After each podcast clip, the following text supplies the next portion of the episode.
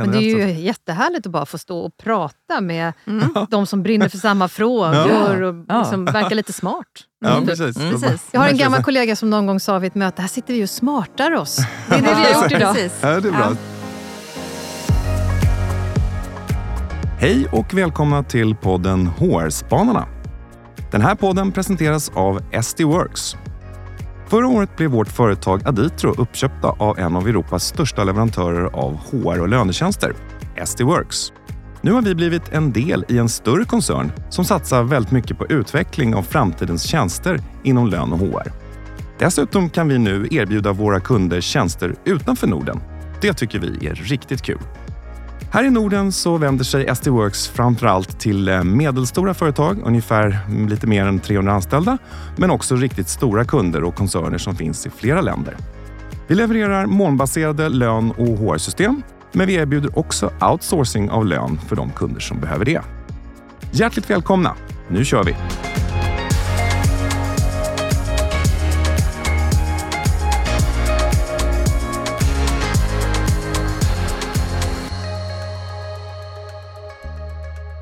Hej alla lyssnare och välkomna till HR-spanarna. Jag heter Erik Matsgård och eh, har de eh, senaste fem åren varit produkt och marknadschef på Aditro, eller som vi numera heter SD Works. Vi spelar in det här i Stockholm i december 2021, mitt i julstöket. Och när ni lyssnar på det här eh, 2022 så kommer jag faktiskt ha lämnat över rodret till eh, lite andra duktiga kollegor. Men jag lovar att jag har HR-hjärtat kvar. Jag började med eh, HR för ungefär fem år sedan eller lite mer i den här branschen. Och jag har förstås eh, träffat en väldigt massa intressanta personer under de här åren. Och eh, nu när jag ska eh, lämna över Aditro till eh, Esterbworks-familjen så tänkte jag att nu ska jag eh, plocka upp några av de här favoriterna och ta med mig dem och eh, helt enkelt spana lite in i framtiden. Vad är det som kommer hända 2022? Vad har ni för spaningar om framtiden? Vad tror ni kommer vara viktigt eh, för er och eh, för HR-världen? Och därför har jag tagit ut tre stycken favoriter som är här i poddstudion med mig idag. Vi har eh, Sissi Forselius som jag faktiskt var en av de första som jag gick och hälsade på när jag skulle lära mig allt om HR och fick ställa lite dumma frågor om vad som är viktigt i HR-världen. Och sen har jag Valerie Binner som eh, jag träffade första gången på när jag var på Aditro, men som jag faktiskt också haft som konsult. Eh, för du har hjälpt mig att titta på lite grann hur de här HR-lösningarna ska se ut och vad som är viktigt. Och sen har vi kanske den första personen i HR-världen som jag träffade, eh, Karo Redare, som eh, eh jag faktiskt anställde som HR-chef när jag var vd på Kubrick för ganska många år sedan. Och ni tre är smarta och duktiga personer som jag är jättenyfiken på vad ni tycker om framtiden. Så ni ska vara hemskt välkomna. Tack så mycket. Tack. Tack. Men jag tänker att eh, lyssnarna är nog lite nyfikna på vad ni är för några. Eh, vad ni står just nu, vad ni är på för, eh, var ni kommer ifrån just nu. Så jag tänkte, vi ska, kan vi börja med dig Cissi? Vem är du? Det kan vi göra. Jag har jobbat i HR i 20 år eh, i år, eh, vilket känns eh, både kul och eh, lite skrämmande. Eh, är just nu på ett bolag som heter Nobia eh, som är hyfsat eh, okänt som varumärke, men vi äger massa jättevälkända köksvarumärken. Marbodal, HTH, Uniform bland annat. 6 000 medarbetare, sju länder, 14 varumärken ungefär. Har jobbat i olika branscher och bolag, bara tjänstesektorn fram tills nu, där jag också är i en verksamhet som har produktion, vilket är jättekul och en, verkligen en ny resa. Ja, det är lite nytt. Ja, precis. Mm. Och när man pratar om produktion, Valerie. Du har tagit dig från början börja på i Procter-världen vet jag, men nu är du på ett väldigt mycket annorlunda bolag från, eh, från Procter i alla fall tror jag.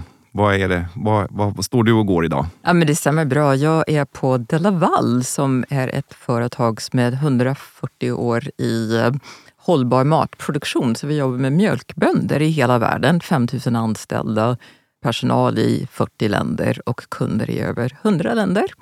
Och jag har jobbat med, konkret med HR de senaste 15 åren, men jag började min karriär eh, faktiskt inom IT. Ingen kan tro det idag, men det är faktiskt så. Eh, jag jobbade inom IT och sen inom consulting i tio år innan jag kom in i HR-svängen. Mm, välkommen. Och sen har vi Karo som eh, idag är, jag vet inte, vad ska vi säga, är det någonstans mitt emellan eh, kök och jordbruksprodukter eller vad ska vi säga? Ja, kanske det. I alla fall produkter som behövs eh, på respektive bolag. Jag är på ett bolag eh, som heter Inrego. Vi köper in och rekonditionerar och säljer IT-produkter av olika slag. Mobiler, datorer, skärmar, telefoner. Så vi är verksamma inom det man nu kallar för cirkulär ekonomi. Och där är jag HR-chef sedan ett år tillbaka och innan dess så har jag ju jobbat som HR-chef i olika bolag i ja, tio års tid ungefär och innan dess eh, som konsult inom rekrytering och employer branding. Trevligt. Ni är hemskt välkomna. Och eh, jag tänkte att vi skulle börja och få fråga er, jag brukar säga så här, det här vad håller er eh, vakna på nätterna? Men framförallt kanske vad är utmaningarna för er och era företag där ni står just nu? Vi eh, går in i 2022. Det har varit minst sagt utmanande tider. Eh, så jag tänkte, jag är lite nyfiken på, vi, vi kan väl ta samma varv med Cissi. Vad, vad, vad, Nobia, vad är det som... Eh, du har precis varit på eh, ledningsgrupp berättade du när du kom in här. Vad är det som, som har pratats om nu? Vad, är det, vad, vad går ni in med för 2022? Vi är i en ganska stor transformation som bolag, eh, vilket innebär att vi gör högt och lågt och eh, brett och smalt samtidigt. Eh, men som alltid är rekrytering eh, aktuellt post-covid, om man ens kan säga det, nu när det känns som att vi är mitt i det igen. Eh, högaktuellt med allt vad det innebär. Vi är en producerande verksamhet och har många butiker. Eh, så en del funderingar och beredskap kring hur kan vi fortsätta hålla öppet för kunder, eh, men samtidigt ha en säker miljö, både för kunder och medarbetare. Så att, eh, ja, men mycket fokus på förändring, transformation, eh, men också väldigt mycket här och nu, covid, hybrid och hur vi ska hantera det framåt. Spännande. Och Valerie, precis innan vi satte igång så berättade du lite kort om att eh, du är på ett bolag som kanske i svenska ögon ibland är lite ohippt eh, med jordbruksprodukter och sådär. Men att eh, ni har ett väldigt stort internationellt intresse och att det fortsätter. Kan folk komma hit? kunder, kan de, kan de besöka er? Svenska kunder mm. är välkomna just nu. Vi är väldigt restriktiva just mm. nu. Vi tycker i och för sig att vi är jättehippa. Vi, vi som jobbar med hållbar matproduktion vet hur otroligt viktigt det är. Och vi jobbar i tvärsnittet mellan teknik, djur och människor. Så de som kommer till Delaval brukar tycka det är otroligt häftigt. Och man tycker det är superhäftigt att när man kommer till Tumba där vi har huvudkontoret så har vi även en producerande mjölkgård med 500 kor och Arla, bilen kommer några gånger i veckan och hämtar mjölk från oss. Och du har varit också på eh, ett, en, en veckas ledningsgrupp pratade vi om här. Ja, eh, underbart! Vi, vi, är glada över att du står på benen så att du kan vara här med oss här idag. Men mycket energi vad, vad, vad, Kan du ge oss någonting? Vad, vad hände på, vad, vad pratade ni om? Vad är utmaningarna 2022? här? Vad, vad, vad står ni inför Delaval? Ja, nej, men vi har haft två rekordår, så när vi gick in i pandemin så var vi otroligt oroliga oroliga för hur det skulle bli med kunderna, investeringar. Men det är så, alla regeringar, alla myndigheter har insett att matproduktion, det är verkligen grundläggande. Så man har börjat tänka om. Hur ska vi säkerställa att vi har bra matförsörjning för vår befolkning? Och då är det viktigt med bönder. Så att det finns en stor investeringsvilja.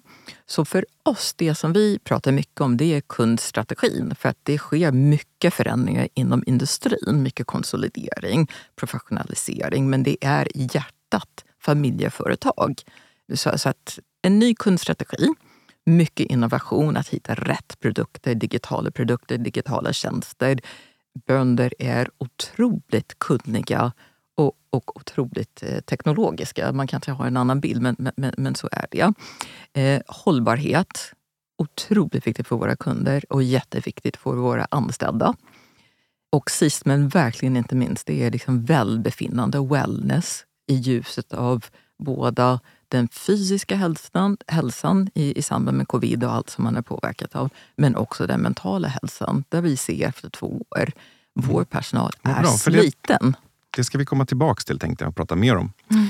Och, och Karo, du kommer från julfesten berättade du som ni har haft ute på lastkajen för att liksom, eh, känna det. Och, eh, nu har vi lagt den bakom sen och går in i 22. Vad, vad är det som... Eh, som står på agendan för eh, Inrego? Eller vad är det som, som ni diskuterar som bolag? Ja, men vi håller ju på och lite grann eh, återhämtar oss, får jag säga, efter pandemiåren. Eh, alla har ju hunnit tröttna på ordet komponentbrist, men det är, i vår verksamhet är det väldigt kännbart. Eh, och vi har ju gått ifrån eh, tillväxtplaner till eh, att dra tillbaka och hantera hur det påverkar ett bolag och kultur till att nu så småningom börja tro att nu ska vi nog börja släppa på gasen lite igen. Men för oss är ju... Ehm, vi har ju också både produktion och tjänstemän. Och jag tycker hela den här post-covid-debatten och hybridjobb och alla otroligt tröttsamma begrepp är jätteintressant. Därför att vi har hälften av vår personal som inte kan jobba hemifrån och det brottas vi jättemycket med. Hur kan vi skapa en känsla av flexibilitet mm. för hela arbetskraften och skapa en kultur trots att det är olika förutsättningar? Mm. Och Det var ju nästan så att du hade läst exakt vad som står i mitt manus. För det var nämligen det som jag, jag tänkte att vi skulle fortsätta med. Vilken sportnytt övergång. Så eh, nu går vi vidare till nästa ämne.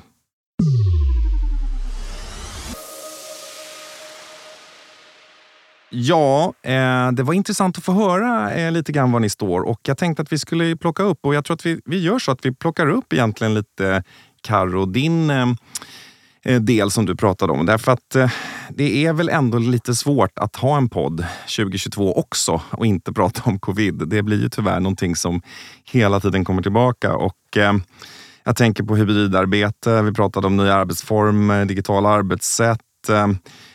Det känns ju som att pandemin är allt annat än över och det känns som att vi kommer att få hantera det här i olika former framöver och det kommer påverka oss. Ehm, och vad jag tänker så här är egentligen att eh, å ena sidan då så när jag spanar lite grann eller tänker på 21 så det är väldigt många områden som har påverkats. Att det är lite grann om ledarskap, hur vi leder våra eh, våra grupper. Eh, vi pratar lite om eh, hur man motiverar förstås, eh, arbetsmoral.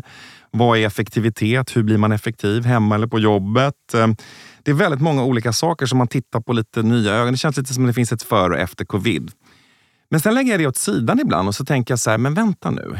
Är allting liksom för och efter? Alltså, eller, eller är det samma i grunden recept om hur man bygger framgångsrika organisationer och hur man, hur man skapar ett företag som fungerar väl och som växer och är lönsamt och friskt och sådär. Så, så min första fråga lite grann som jag tänkte att jag kan ju börja och rikta mig till dig Carro. Så här, alltså, är allting helt nytt nu? Ser vi på allting med helt nya helt nya ögon eller, eller är det samma? Vad, vad, vad, vad, står du? Alltså det är en superbra fråga. Eh, men någonstans så tycker jag mig ana att det har skett en eh, lite så förskjutning i eh, maktbalans, kanske är ett starkt ord.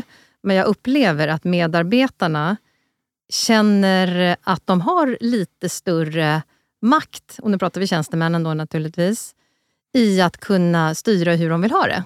Många bolag har säkert haft mycket flexibilitet redan innan covid kom.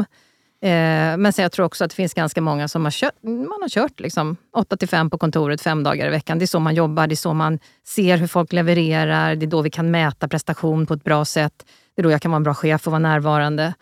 Och så har man liksom tvingats om i det.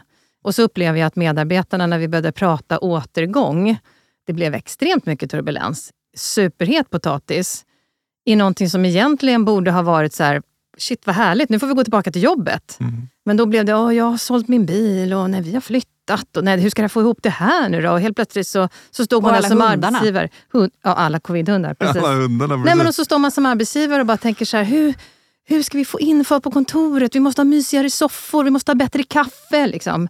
Och alla pratar om att det måste vara en happening att komma till kontoret. och Så här. Så man hamnar lite nästan så i baksätet helt plötsligt. Ja. Var är det lika, har det varit likadant hos er Cissi? Nej, men jag tycker nog att vi har haft hyfsat enkelt att få tillbaka liksom, medarbetarna till kontoret. Många har längtat efter att komma tillbaka. Det tror jag delvis beror på att vi under den här perioden har rekryterat ganska många nya. Eh, så att det finns också ett behov av att ja, ses och bygga relationer och prata med den här berömda kaffemaskinen. Eh, men sen tror jag också, jag kan känna igen det där att man hamnar lite i baksätet och att att man nästan ska slå knut på sig själv för att det ska mm. vara så härligt att komma till kontoret. Och Där tror jag man måste hitta någon balans. För väldigt mycket tycker jag är samma på det sättet att här, processerna eller det man behöver göra eller vara duktig på mm. som bolag eller som chef, det är ju inte så annorlunda. Men, men svagheterna blir väldigt tydliga när det är hybrid. Alltså har du en, har du en bristfällig process för att sätta liksom mål och uppföljning, ja, men då blir det ännu mer tydligt eh, Mm. på distans. Mm. Är du inte duktig på att liksom, kommunicera med ditt team eller vara en, en kommunikativ eh, chef, då blir det också mycket synligare. Så Så på så tror- sätt svårare. Jag tror man blir mer liksom sårbar i att det där, man klarar sig inte lika länge som om man är, liksom, träffas fysiskt. Mm. Eh, tror jag. Vad säger du Valerie, är, är det liksom före och efter covid? Kommer det här liksom spegla hela vårt synsätt på, på arbetslivet före? Eller, eller, är- eller är det egentligen samma grundgrejer? Nej, men jag tycker också otroligt bra fråga och jätteintressant att höra vad Karo och Sissi säger. För att eh, jag tror å ena sidan så är HR-processer och HR-tänk, det, det är ju samma oavsett bolag och oavsett tidsperspektiv.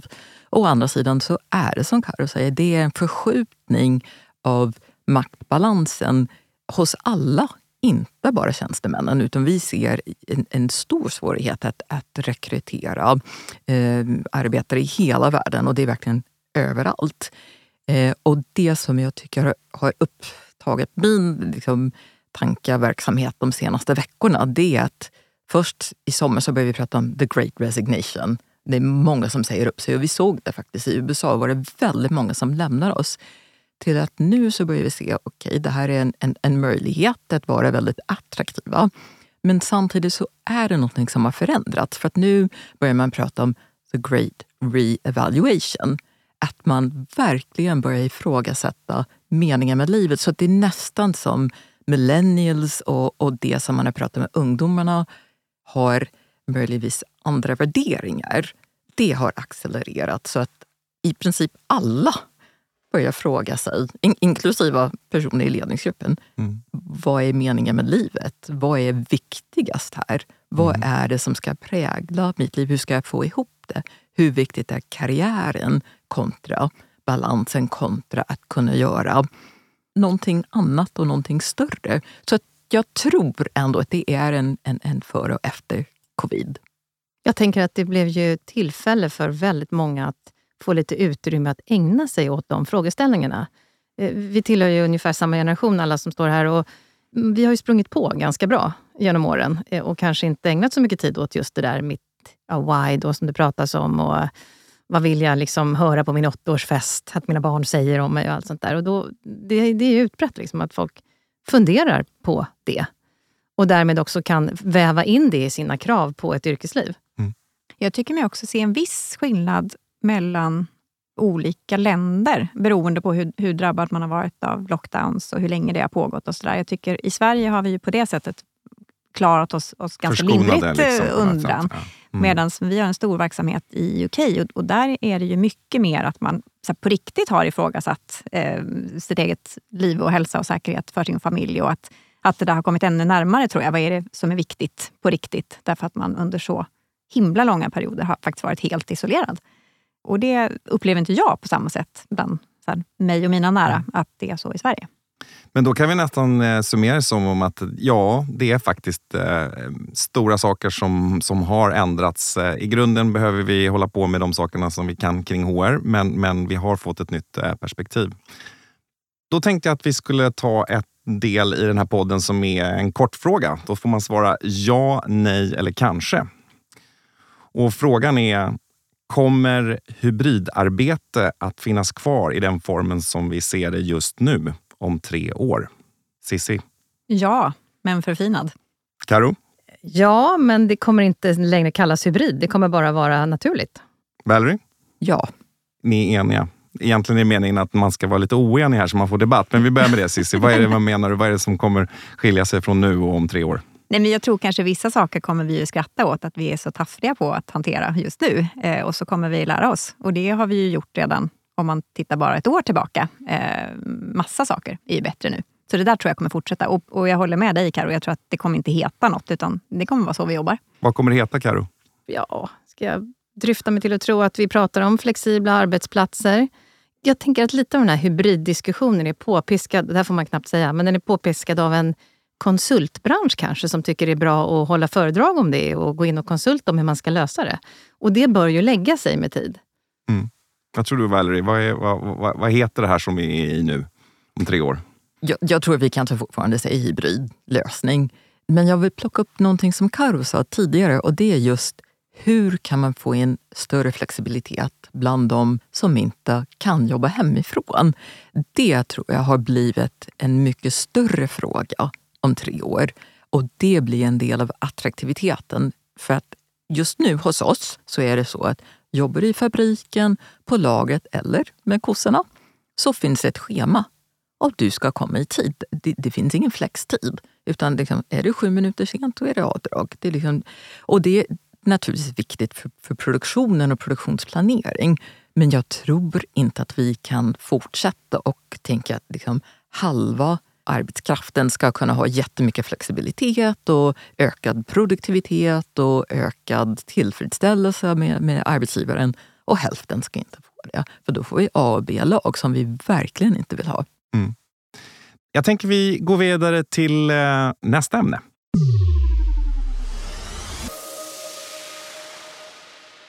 Jag hade en annan fråga som jag var lite nyfiken på. Jag kom ju in i den här världen, då HR-världen som jag kallar för, för fem år sedan. Och, eh, det är ju alltid speciellt när man får jobba med en funktion i ett bolag och en typ av process och en typ. Man blir, får ju liksom en liten, ibland lite skygglappar och man eh, liksom hamnar på just de sakerna som man själv levererar tjänster och, och, och processer kring. Men jag var lite nyfiken, för ni har ju varit, ni berättade innan att ni har varit väldigt många år. Ni har ju sysslat med de här äh, sakerna länge. Det är väldigt långa perspektiv. Ungefär 20 år Cissi. Man undrar knappt, är du så gammal ens? Att du kan ha varit med så länge. Och då undrar jag så här lite grann. Om ni spanar framåt, det kanske inte är 2022, det kanske är kanske fem år eller sex, sju, åtta år alltså fram i tiden. Den här funktionen som ni jobbar på idag, med de processerna och de människorna som jobbar här och de frågeställningarna. Kommer den processerna och de funktionerna, och de, kommer det vara samma typer av människor som kommer jobba på en sån här funktion om sju år? Vad säger du Cissi? Kommer det vara det? Kanske, får man välja det? Man får välja det. Men du kommer få komma tillbaka och förklara dig. Karo? Får jag säga till viss del istället? Och Valerie? Jag säger både och. Både och. Det går inte att få ja och nej här. Det här var lite roligt. När man lyssnar på, på andra så är de lite tuffare ja och nej. Men, sen, men vi kan väl få dig att utveckla det Cissi. Vad är det som är kanske? Jag tror att det kommer behöva breddas. Vi kommer behöva ta in nya sorters kompetenser. Och Det gäller inte bara inom HR, men över hela eh, i, i, I vilket bolag som helst tror jag att både eh, analytics, eh, digitalisering av olika slag, eh, kommunikation eh, behöver vävas in i liksom, befintliga funktioner. Och Sen tror jag kanske att när det gäller djupet på kompetenser, vissa kompetenser ska man säkert ha inhouse själv och andra kompetenser kommer hela tiden förändras. Så de kanske man i större utsträckning behöver köpa eller liksom låna in från någon som bara gör det och ser till att hålla sig uppdaterad där. Så jag tror att det kommer förändras, men en viss del av kärnan tror jag ändå kommer att eh, också vara ganska lik. Vad säger Karo?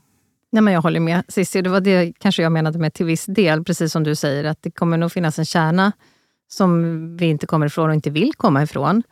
Jag tror att eh, det mellanmänskliga inslaget kommer vara en av de viktigare och finnas kvar. Eh, och däremot, som alla pratar om, så kommer ju mycket AI-mässigt automatiseras. Och det är ju bra. Eh, allt det här administrativa, tunga, liksom, kan man ju gärna hitta andra lösningar för. Men, men mötet mellan människor och det som avspeglar sig i kultur och, och hela den biten tror jag kommer bli ännu viktigare därför. Kommer förändringstakten att öka? Kommer det liksom hända mer kring den här funktionen, de här processerna, de här närmsta fem åren mot tidigare fem? Ja, det får jag anta. Det, alla säger ju att det har aldrig gått så fort som det gör nu och det kommer det nog fortsätta göra. Mm. Vad säger du Valerie?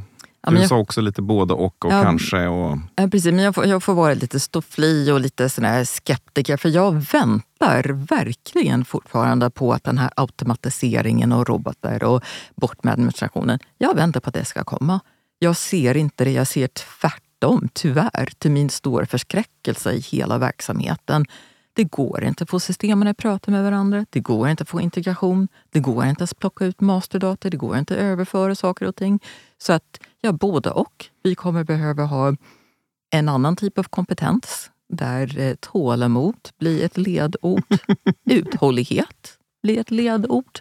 Men sen håller jag med att eh, liksom, en HRs huvudprocesser med att attrahera, utveckla, avveckla personal, det finns ju kvar.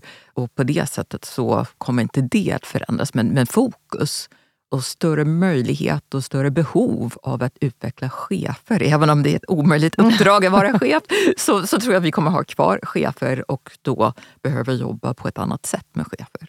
Bra. Då är det ändå så att ni är rörande överens hela tiden här. Vi får väl se om vi kan hitta ämnen där ni skiljer lite grann. Så att, eh, vi går över till nästa ämne.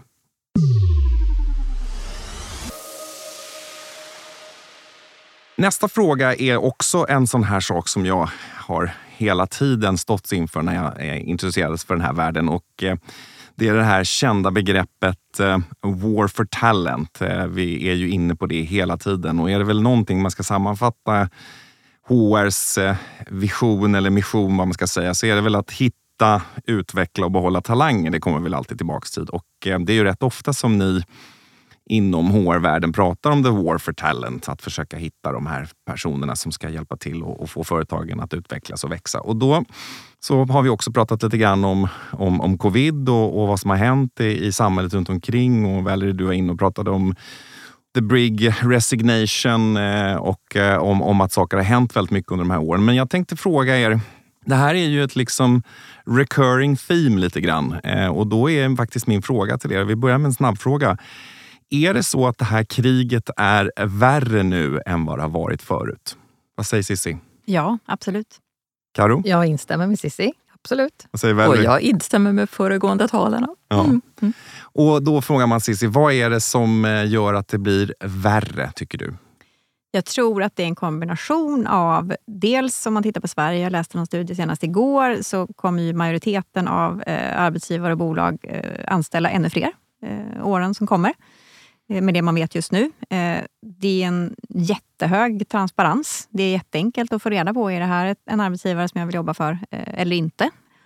Och det är också, tror jag, nya förväntningar och en, en liksom högre lägstanivå på vad man... Så här, det är väldigt många saker som jag tror tidigare har varit så här, något extra, men som man nu bara förväntar sig att en arbetsgivare lever upp till. Så jag tror att kraven och förväntningarna på liksom en arbetsgivare och en arbetsplats har ökat. Och det är väldigt transparent och lätt att checka. Är det så här? Eller är det bara något man säger? Mm. Vad säger du Karo, är det riktigt blodigt där ute nu? Är det blodigare? Du har ju jobbat med rekrytering i väldigt många år. Alltså är, är det verkligen blodigare nu? Alltså? Ja, men jag, jag håller väl med Cissi lite där också. Att det, transparensen är en annan med alla olika forum där du kan hitta information såklart. Det går inte att vara... Man måste vara autentisk för att det ska flyga. Och Sen så tror jag en utmaning också är att eh, lojaliteten är inte vad den har varit tidigare. Vi har inte liksom 40-talisterna som siktar på guldklocka, utan rörligheten är ju enormt mycket större. Eh, och Det gör ju att du får ett stadigt och ständigt kompetenstapp som du måste försöka liksom komma ikapp. Och det kanske är helt omöjligt att någonsin komma ikapp det, eh, med tanke på hela gigekonomin. Mm.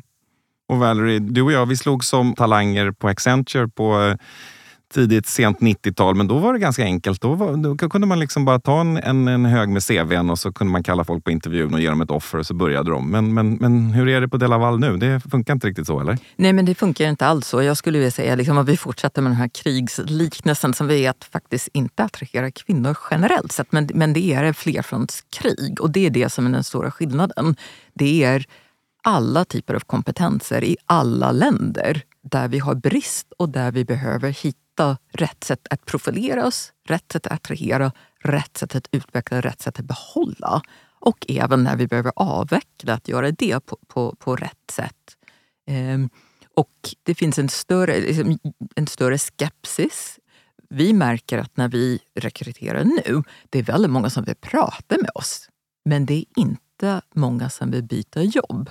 Det är ungefär, man tar en temperaturmätning vad är, hur, hur är mina aktier på marknaden? Ja, men visst vill jag prata. Det är lite FOMO. Jag vill inte, är det lite sådär inte... som när man tar in en värdering på sitt hus? Man gärna vill veta ja, just det. Lite bara, man... man vill veta. Man vill veta hur kan det vara där. Men sen, nej, jag är inte beredd att, att, att byta för det finns så mycket som man vill ha om man ska byta arbetsgivare. Mm. Ja, nej, men jag kan eh, nog förstå det där också. Jag har ju också varit rekryterande chef här under, under det här och det är ju eh, och framförallt när man jobbar inom IT till exempel. Men jag, jag förstår att alla eh, brottas med det här så att, eh, jag kan förstå att ni faktiskt eh, summerar som att det där kriget kommer nog bara bli blodigare. Jaha, nu har vi kommit fram till ändå favoritpunkten i, för det heter det HR-spanarna så måste det förstås vara spaningar och eh, den stora förebilden förstås för alla som lyssnar är ju eh, Spanarna i P1 som ni säkert lyssnar på. Eh, Ingvar Storm som har hållit på, jag vet inte om det är 20 år de har hållit på. Jag har varit en flitig lyssnare. Så jag tänkte att vi ska utsätta eh, de här tre spanarna för samma spaning. Och ni vet eh, hur formatet ser ut. Vi hittar någonting i tiden. Vi hittar belägg för det och vi gör en förutsägelse för hur det kommer se ut i framtiden. Och eh, med det så lämnar jag ordet över till Karo som får göra första spaningen för 2022. Varsågod. Vilken ära. Nej, men jag eh, tänkte resonera och filosofera lite kring eh, det omöjliga ledarskapet. Ja, och vi har pratat covid tidigare, post-covid eh, och vad som kommer i kölvattnet med det.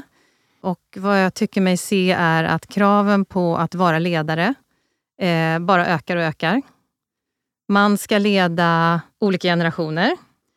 Vi har idag en arbetskraft som består av nästan sex, ja, det spänner över sex olika decennier. Allt ifrån de, de väldigt unga till de gamla rävarna som börjar närma sig pension men som tvingas jobba några år till. Eh, jag lyssnade på ett seminarium med Fredrik Reinfeldt häromdagen som var väldigt roligt faktiskt. Eh, bra där. där han just pratade om eh, att vår pensionsålder sattes någon gång på tidigt 1900-tal när medelåldern var 56 och så vidare. Så att, eh, att vara chef och leda allt ifrån en 19-åring till en 67-åring, det är en utmaning i sig.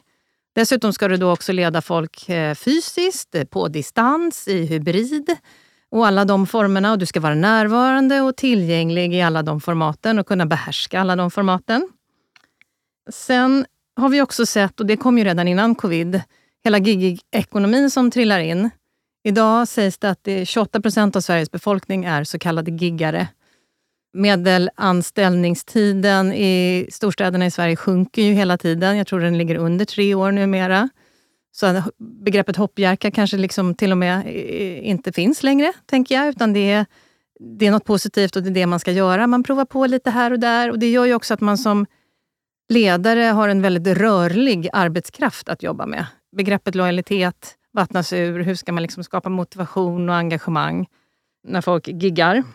Vi har också det kulturella perspektivet eh, med en arbetskraftsinvandring som behövs för att vi ska kunna hålla Sverige igång. Och med distansförutsättningarna så kan vi ju ha medarbetare som sitter i Brasilien och är uppfödda i Tokyo eller vad det nu kan tänkas vara. Så du får hela kulturella paletten i ditt ledarskap också.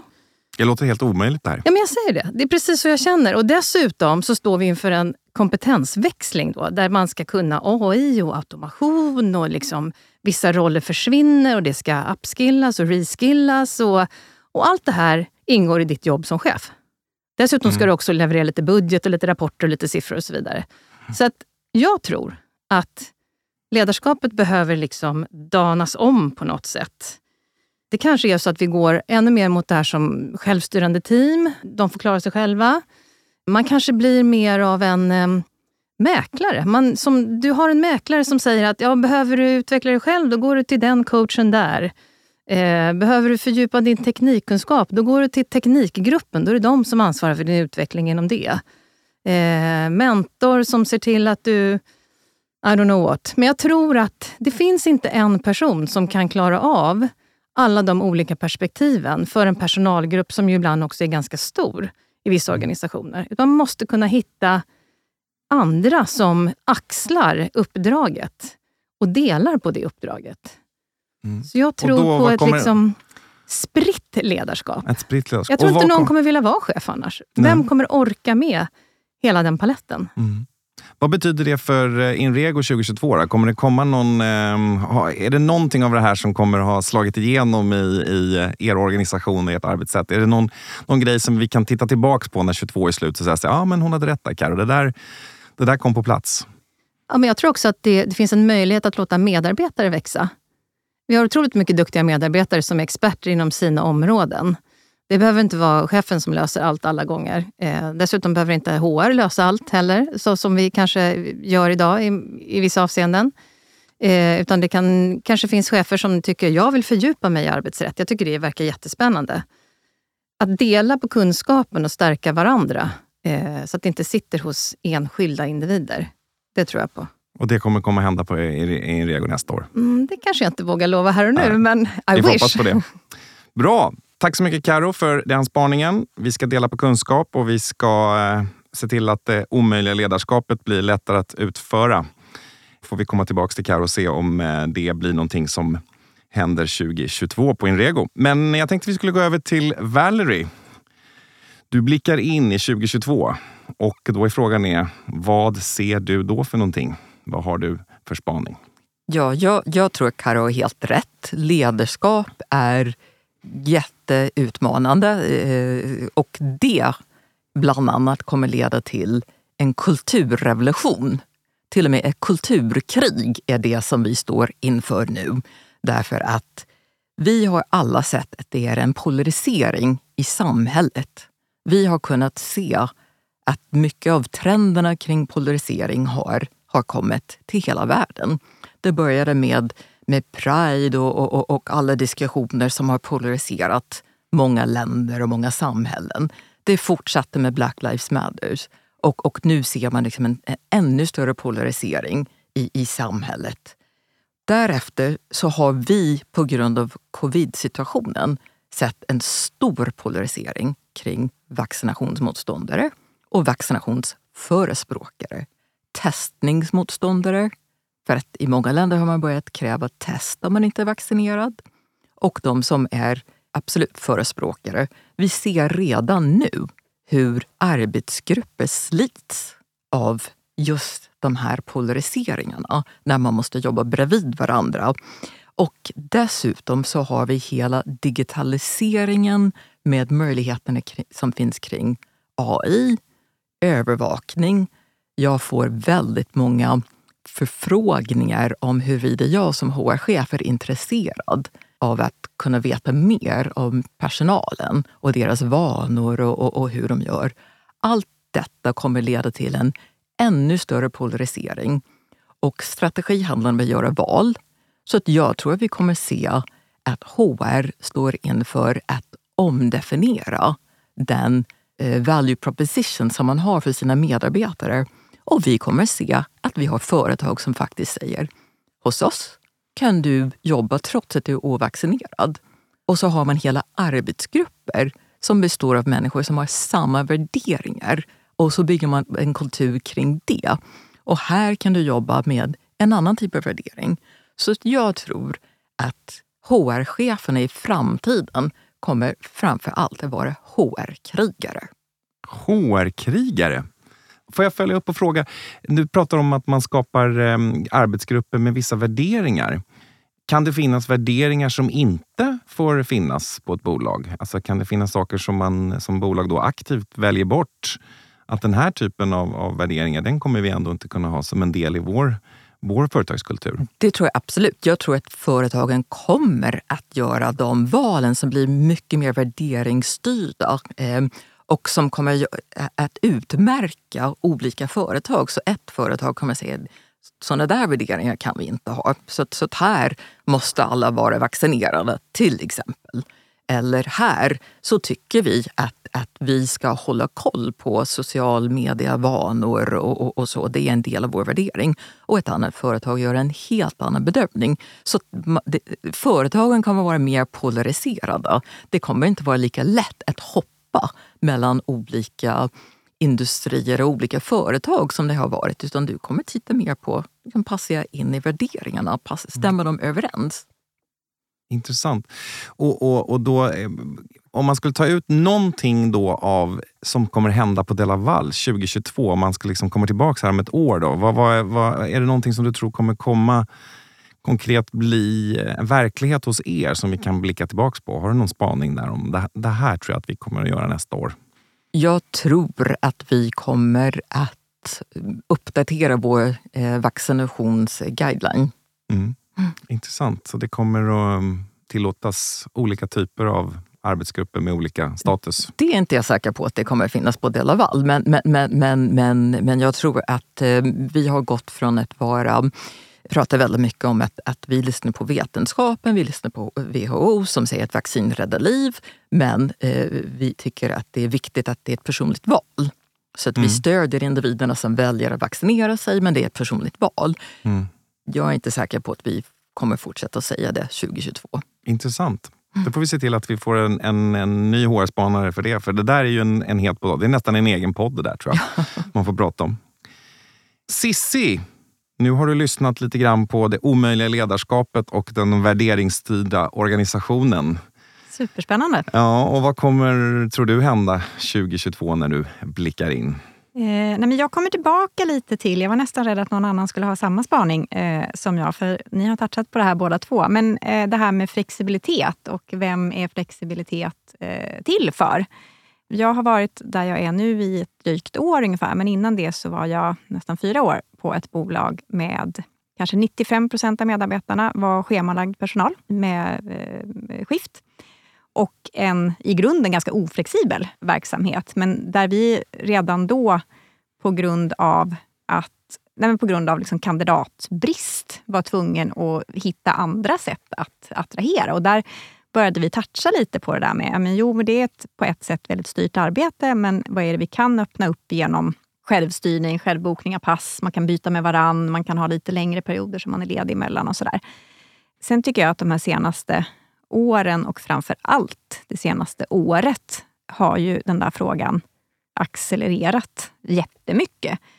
Dels har vi, om man tittar på Sverige, en ganska hög arbetslöshet bland yngre. Eh, vi har samtidigt jättemånga jobb som är tomma och där man inte ens får kandidater. Och sen har ju covid och hybrid och allt som kommer med det ställt frågan på sin spets i många bolag där man har, som i mitt fall, eh, båda kategorierna. Vi har en ganska stor del av verksamheten som jobbar i butik eller i fabrik. Och där det är ytterst begränsad flexibilitet. Samtidigt som en annan kategori har ju fått jättestor eh, flexibilitet jämfört med tidigare. Så jag tror dels för att inte öka de där gapen mellan olika grupper, men jag tror kanske framför allt för att dels dra någon nytta av det vi har lärt oss förhoppningsvis under den här perioden att det går att göra mycket saker eh, digitalt. Men för de yrkeskategorier där man faktiskt behöver vara på en viss plats för att möta kunder eller hantera en maskin eller vad det nu må vara, ändå hitta nya sätt att kunna vara flexibel. Det tror jag kommer vara helt avgörande för att kunna attrahera och behålla och ha en liksom, schysst arbetsmiljö going forward. Det är min spaning. Intressant. Den mm. tror jag är, är väldigt, eh, väldigt relevant att, mm. att hitta det. Så det, eh, det kan jag nog aldrig skriva under på.